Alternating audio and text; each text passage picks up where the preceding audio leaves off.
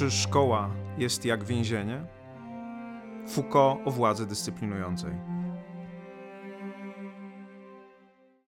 Szanowni Państwo, dzisiaj kolejny odcinek e, tej serii, którą nazwałem Komentarze do książek, które mogą Wam się przydać, które mogą Wam się przydać, żebyście lepiej zrozumieli, jak działa społeczeństwo i państwo. Opowiadam w tej serii o książkach, które mnie samemu pomogły lepiej to społeczeństwo i państwo zrozumieć. Nie zawsze te książki dotyczą społeczeństwa i państwa. Nieraz dotyczą na przykład wychowania młodego człowieka, nieraz dotyczą bardziej szerszych takich zjawisk społecznych. Dzisiaj na przykład będzie taka książka. Ale wszystkie mają wspólny mianownik, jak powiedziałem. Pozwalają nam trochę lepiej zrozumieć, że człowiek jest istotą społeczną i pozwalają nam lepiej zrozumieć, jak to społeczeństwo funkcjonuje. Dzisiaj będę mówił o nowej książce, ale jeszcze na moment chcę wrócić do poprzedniego odcinka, w którym mówiłem o książce Jordana Petersona mapy znaczenia czy mapy sensu. Otóż dziękuję Wam bardzo w komentarzach. Y, pokazaliście, że już jest dostępna po polsku książka Jordana Petersona, ta, którą ja czytałem jeszcze w oryginale po angielsku. Mam ją tutaj ze sobą, udało mi się już zamówić. Ta książka to takie jest tłumaczenie mapy sensu, architektura przekonań. Kupcie, jeżeli macie ochotę, jeżeli to, co mówiłem ostatnio Was zainteresowało. Y, chcę tylko zaznaczyć, że ta książka, pamiętajcie, jest trochę trudniejsza. Jeżeli macie wykształcenie filozoficzne albo przynajmniej jakieś takie amatorskie zacięcie filozoficzne, to oczywiście możecie ją kupić. Natomiast jeżeli e, nie po drodze wam z filozofią, to lepiej kupić uproszczoną wersję, można powiedzieć, tej książki, czyli 12 życiowych zasad Petersona, która w jakiś taki bardziej przystępny sposób, właśnie w formie takich życiowych rad, tłumaczy o co chodzi e, w jego myśli, w jego spojrzeniu na świat, w jego spojrzeniu na wychowanie człowieka i na radzenie sobie z chaosem. To, co mnie uderzyło po ostatnim odcinku, to dużo komentarzy, za które Wam jestem bardzo wdzięczny, które pokazują ewidentnie potrzebę balansu. E, balansu rozumianego jako e, konfrontowanie się i przekazywanie informacji z różnych stron ideologicznych. Otóż jest pewnym problemem naszego świata współczesnego to, że wszyscy żyjemy w bańkach. Y, jest nam dobrze w tych bańkach, bo nic nas tam nie denerwuje, wszyscy myślą podobnie jak my. Facebook podaje nam informacje, które chcielibyśmy usłyszeć, trochę tak jak piosenki, które chcielibyśmy e, polubić, dlatego że wcześniej już je słyszeliśmy. Otóż istotą wychowania, istotą rozwoju jest to, żeby się konfrontować z innymi poglądami. I tak sobie pomyślałem, że może na zasadzie kontrastu dzisiaj powiem o myślicielu, który jest wzorem dla lewicy, który jest kojarzony z myśleniem e, z jednej strony progresywnym, ale bardzo krytycznym. I chciałem dzisiejszy odcinek poświęcić wybitnemu, absolutnie fantastycznemu filozofowi francuskiemu Michelowi Foucault i jego pracy Nadzorować i karać narodziny więzienia. Jest to książka, którą ja przeczytałem jeszcze na studiach i pamiętam, że ona mną wstrząsnęła. Myślę, że głębia myśli Foucault już wtedy jakoś tam na mnie oddziaływała, chociaż jeszcze jej nie potrafiłem do końca zrozumieć. Chodzi mi o to, że jest to książka, którą powinien przeczytać absolutnie każdy prawnik, każdy prokurator, każdy urzędnik, jeżeli by się dało, każdy policjant. Jest to książka, która pokazuje nam, jak działa władza, władza współczesna we współczesnym społeczeństwie i jakie niebezpieczeństwa wiążą się z tym, e, właśnie z działaniem tej władzy.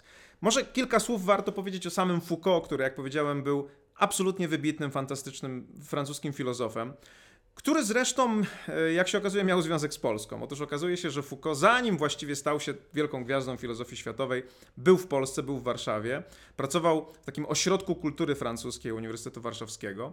E, a ponieważ Foucault był homoseksualny, otwarcie homoseksualny, to polska Esbecja pomyślała sobie, że wypuści na niego, czy za, za, jakby założy na niego pewne sidła i y, znajdzie agenta, który będzie chciał uwieść Michela Foucault. To jest w ogóle historia, słuchajcie, jak z kryminału. Y, okazuje się, że rzeczywiście chyba taki agent był i rzeczywiście chyba uwiódł Michela Foucault. Gdzieś w internecie jest strona zatytułowana Szukamy kochanka Michela Foucault. Jeżeli wiecie coś na ten temat, to koniecznie tam się zgłoście. Jest książka w ogóle na temat tej historii opisanej y, w bardzo interesujący sposób. Moim zdaniem to jest w ogóle historia na film. Foucault musiał w pewnym sensie uciekać z Polski, został wyrzucony niejako. No i trochę szkoda, bo gdyby był pewnie u nas dłużej, to być może bardziej doświadczylibyśmy tej jego przenikliwości. Później, jak mówię, stał się absolutnie wielką gwiazdą e, światowej filozofii. I dzisiaj będziemy mówili o jego, jednej z jego książek, ale jeżeli tylko macie czas, jeżeli tylko chcielibyście coś więcej się na ten temat dowiedzieć, warto Foucault czytać. To jest człowiek, który myślę, że przez swoją homoseksualność, wyobraźcie sobie, E, teraz jest trudno ludziom, którzy są homoseksualni. Muszą się spotykać z nienawiścią, z hejtem. E, ich życie jest napiętnowane właściwie ciągłym cierpieniem. Wyobraźcie sobie, a mamy XXI wiek, wyobraźcie sobie człowieka, który to przeżywa w o wiele bardziej konserwatywnym środowisku, w o wiele bardziej konserwatywnym świecie, gdzieś na przełomie e, lat 60., 70., 70. i 80.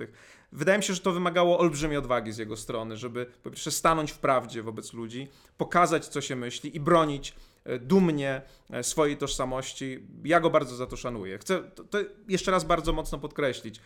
Słuchajcie, skończmy z tymi ideologiami. Można szanować Jordana Petersona i Michela Foucault. Można y, szanować takiego filozofa czy takiego myśliciela, którego na swoich sztandarach niesie prawica i takiego, którego niesie lewica. To naprawdę są tylko jakieś e, naklejki, które sobie ludzie na czoła naklejają. Jeżeli ktoś myśli o świecie w sposób przenikliwy, warto tego człowieka czytać. Warto czytać Petersona, warto czytać Foucault. Dlaczego warto czytać Foucault? Foucault napisał kilka absolutnie fantastycznych książek. E, na przykład napisał Historię szaleństwa. To jest książka, która pokazuje, że nasze myślenie o szaleńcach, o ludziach chorych psychicznie wcale nie jest e, mm, wzorcowe. Foucault w pewnym sensie pokazuje, że to dopiero era oświecenia, czyli tej nowoczesności, która się pojawiła gdzieś w wieku XVII, XVIII e, i której częścią oczywiście jesteśmy, uczyniła z szaleńców ludzi, którzy powinni być wyrzuceni poza nasze społeczeństwo. Wcześniej, kiedy popatrzy się na przykład na rolę szamana, który bardzo często stanowił jakiegoś rodzaju pośrednictwo między światem e, tym takim racjonalnym, a nieracjonalnym i miał w sobie pewne elementy niezwykłości, być może szaleństwa, taki człowiek był szanowany w społeczeństwie, bo właśnie pozwalał mu łączyć to podejście racjonalne, czy przekraczać podejście racjonalne w kierunku nieracjonalności. Dopiero oświecenie ze swoim kultem rozumu zaczęło zamykać szaleńców w, szpitalach psychiatrycznych, które właściwie były więzieniami, e, i usuwać je poza obszar naszego, naszej rzeczywistości ta historia szaleństwa pokazuje nieprawdopodobne spojrzenie, bardzo znowu przenikliwe, które jest inne niż spojrzenie modernizmu, niż e, spojrzenie nowoczesności. To dlatego, że Foucault był filozofem postmodernistycznym, a więc krytykiem tego modernizmu, krytykiem epoki, której częścią my jesteśmy. Ja zawsze powtarzam, że jeżeli za 500 lat będzie pisana historia naszego czasu, to my będziemy traktowani jako ludzie żyjący w modernizmie, w oświeceniu. W związku z tym postmoderniści, mimo że można ich oczywiście krytykować, są e, krytykami tego naszego świata i pokazują nam rzeczywistość, której możemy do końca e, nie zauważyć. Foucault napisał także historię seksualności, znowu w pewnym sensie historię opresji, e, historię, w której kultura, konwencje próbują narzucić ludziom ich naturalnym instynktom pewne, pewne ograniczenia. Te dwie książki, Historia szaleństwa i Historia seksualności, są wielkie dzieła Foucault, ale dzisiaj będziemy mówili o tym dziele, które, jak powiedziałem, dla prawników, dla mnie osobiście jest najważniejsze, czyli nadzorować i karać narodziny więzienia. Y, o czym jest ta książka? Ta książka, jak sama nazwa wskazuje, próbuje y, zmierzyć się z ideą władzy, która panuje nad nami jako nad członkami społeczeństwa i która ma czy rości sobie prawo do tego, żeby po pierwsze nas nadzorować, żeby nas karać i żeby nas dyscyplinować. Foucault pokazuje, że to, co przyszło z erą oświecenia, to można powiedzieć jest takie pozorne, podkreślam, pozorne ucywilizowanie działania państwa w stosunku do obywateli. Dlaczego jest to ucywilizowanie i dlaczego ono jest e, pozorne? Mianowicie Foucault mówi, że kiedyś, kiedy pomyślimy sobie o wymierzaniu kary, na przykład, nie wiem, pomyślcie sobie o średniowieczu, o lochach, o obcinaniu rąk, o łamaniu kołem, to mamy takie poczucie, nie, to był jakiś absolutnie barbarzyński świat, nie? były to jakieś absolutnie nie do pomyślenia zwyczaje, w których torturowano ludzi, w których właśnie niszczono ciało. Foucault mówi, oczywiście, oświecenie przyniosło pewne cywiliz ucywilizowanie. E, już spojrz wtedy spoglądano na tortury, na jakieś takie absolutnie brutalne zabijanie człowieka przez, nie wiem, rozerwanie e, końmi, jako na zupełnie barbarzyńskie. I dlatego zaczęto zamieniać tę karę, która była skupiona na ciele, na karę, która była skupiona na duszy, mówi Foucault. Kiedyś w średniowieczu, jeżeli ukradłeś, to y, pojawiała się władza i na przykład obcinała ci rękę, ale cały odchodziłeś wolno. Teraz w oświeceniu, czyli w naszej epoce, Foucault mówi, jeżeli popełnisz przestępstwo, to prawdopodobnie nie odetną ci ręki, nie odetną ci głowy, nie zabiją cię, ale już na zawsze pozostaniesz w szponach państwa, bo państwo i społeczeństwo uzna, że jesteś nienormalny, ponieważ naruszyłeś reguły i dlatego trzeba cię resocjalizować, trzeba cię leczyć, trzeba cię naprawiać. Trafisz do jakiegoś specjalnego zakładu, który nazywamy więzieniem, gdzie będą pracować nad twoją duszą a nie nad Twoim ciałem. I to oczywiście ktoś może potraktować jako małe zło, no bo oczywiście wszyscy rozumiemy, że nie wiem, tortury, cierpienie jest, jest rzeczywiście godne potępienia, natomiast ta idea resocjalizacji, naprawiania wydaje nam się taka szlachetna. Ale filozofowie postmodernistyczni, w tym Foucault, mówią: uważajcie na to. To wcale tak nie musi być. Okazuje się, że państwo bierze was w swoje szpony, chce was wychować, chce was zdyscyplinować. I cała idea oświecenia jest taką ideą która wprowadza ze sobą coś, co nazywamy inżynierią społeczną. Już nie jesteśmy wolnymi ludźmi. Jesteśmy członkami społeczeństwa i władza w tym społeczeństwie chce nas kontrolować, chce nas dyscyplinować. Co to znaczy dyscyplinować? To znaczy zrobić z nas takie cegły w murze, zrobić z nas pewnego rodzaju trybiki w systemie, tak żebyśmy dokładnie do funkcjonowania tego społeczeństwa pasowali. I przeciwko temu Foucault i filozofowie postmodernistyczni się buntują bo dla nich ważna jest wolność. Jeżeli idziesz do przedszkola, później idziesz do szkoły, później idziesz na uniwersytet, to w pewnym sensie Foucault mówi, jesteś poddany tej władzy dyscyplinowania, trochę podobnej do tej władzy, która funkcjonowała w ramach więzienia. Dlatego, że wchodzisz do czegoś, co nazywamy zakładem administracyjnym, zostajesz poddany pewnym procedurom, dostajesz swój numerek, na przykład w szkole, albo numer indeksu na studiach wszystko, co robisz, jest bardzo uporządkowane. Tak jak życie więźniów y, pod rządami już myśli oświeceniowej było bardzo uporządkowane, Foucault w książce je opisuje, pobudka, gimnastyka, praca, wszystko było bardzo dokładnie rozpisane, e, ten, ten, ten porządek dnia był bardzo precyzyjny. Tak samo na przykład porządek szkolny, porządek studiów jest bardzo precyzyjny. Jesteśmy numerami, jesteśmy poddani dyscyplinie czasu, jesteśmy e, poddani dyscyplinie zdobywania punktów. Nie zawsze tak było, zwróćcie uwagę. Pomyślcie na przykład o Platońskiej Akademii w Atenach. Tam nie było zapisywania się na egzaminy, nie było punktów ETCS, nie było e, jakiś list i nie było numerków. Ludzie przychodzili, żeby zdobyć, wład- żeby zdobyć wiedzę, przechadzali się, dyskutowali i nie było tak mocnej dyscypliny, do jakiej my jesteśmy e, e, przyzwyczajeni.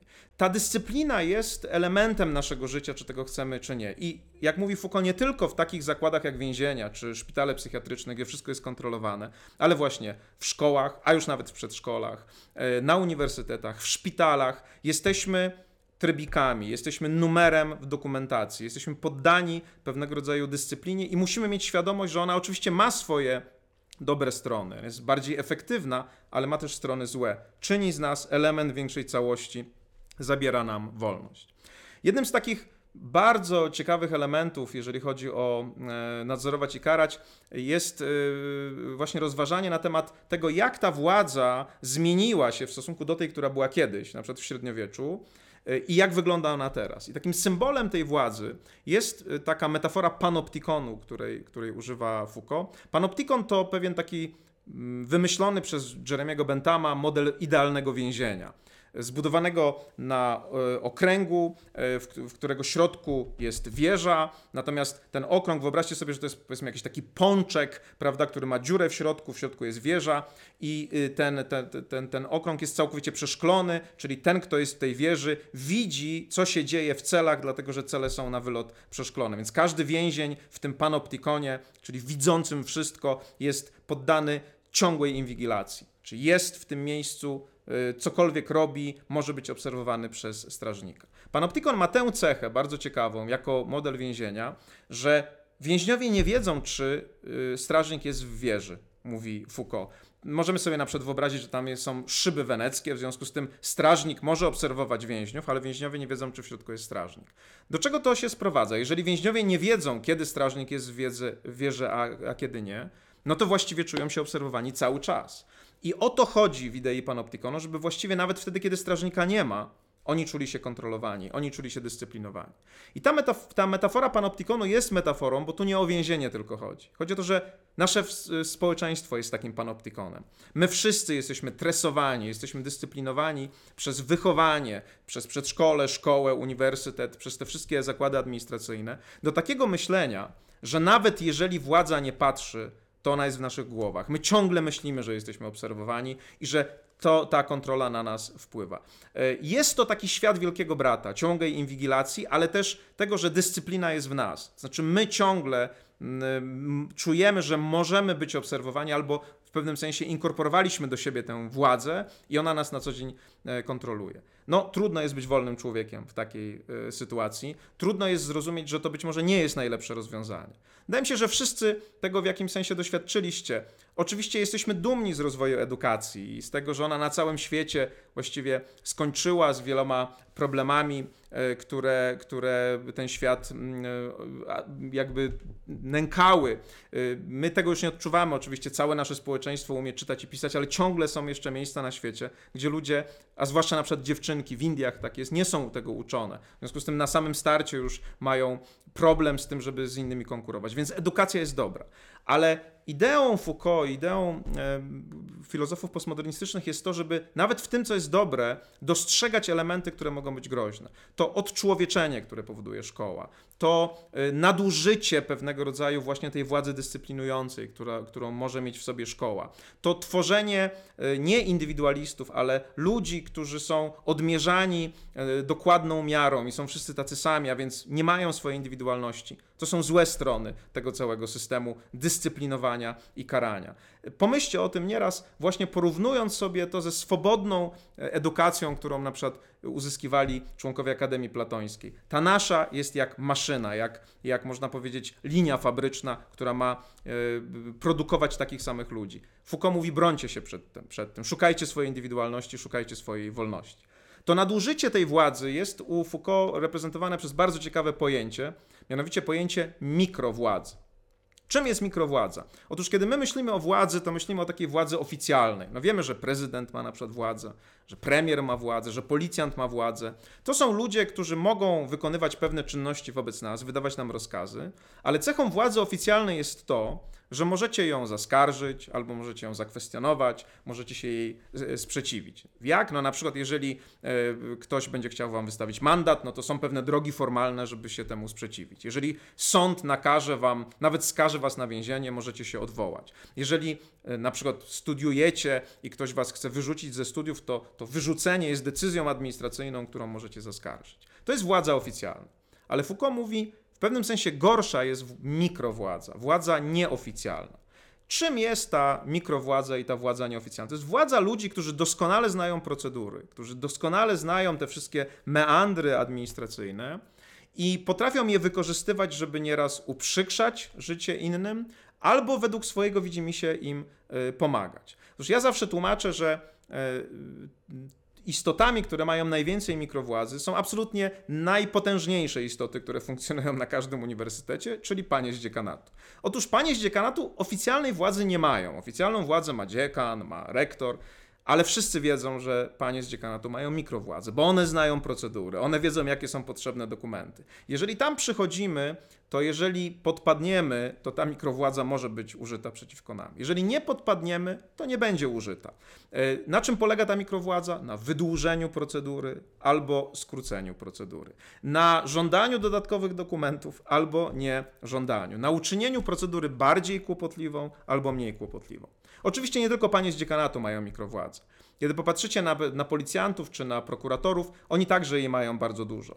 E, możecie sobie na przykład wyobrazić taką sytuację, aresztować czy zatrzymać człowieka można na różne sposoby. Nie wiem, jeżeli ktoś jest na przykład biznesmenem, może przyjść do firmy dwóch nieumundurowanych funkcjonariuszy, spokojnie się przedstawić, e, spotkać się z tym człowiekiem, poprosić go, żeby z nimi wyszedł do nieoznakowanego samochodu, Cichutko, spokojniutko, bez żadnego problemu. Ale oczywiście mogą także mu wjechać o 6 rano z ludźmi w kominiarkach, przy e, kamerach telewizji, po to, żeby wszyscy widzieli, jak on w skarpetkach czy w majtkach jest wyprowadzany. I oczywiście, żeby wszyscy sąsiedzi także to widzieli, żeby widziały to jego dzieci i jego, jego, mał, jego małżonek. Co oczywiście jest strasznie poniżające. Te dwie, wybór pomiędzy tymi dwoma, e, dwiema procedurami trochę zależy od tej władzy, czyli właśnie od mikrowładzy tego, kto decyduje. Może to zrobić w sposób mniej uciążliwy, może to zrobić w sposób bardziej uciążliwy. Mikrowładza jest groźna, bo trudno jest ją kontrolować.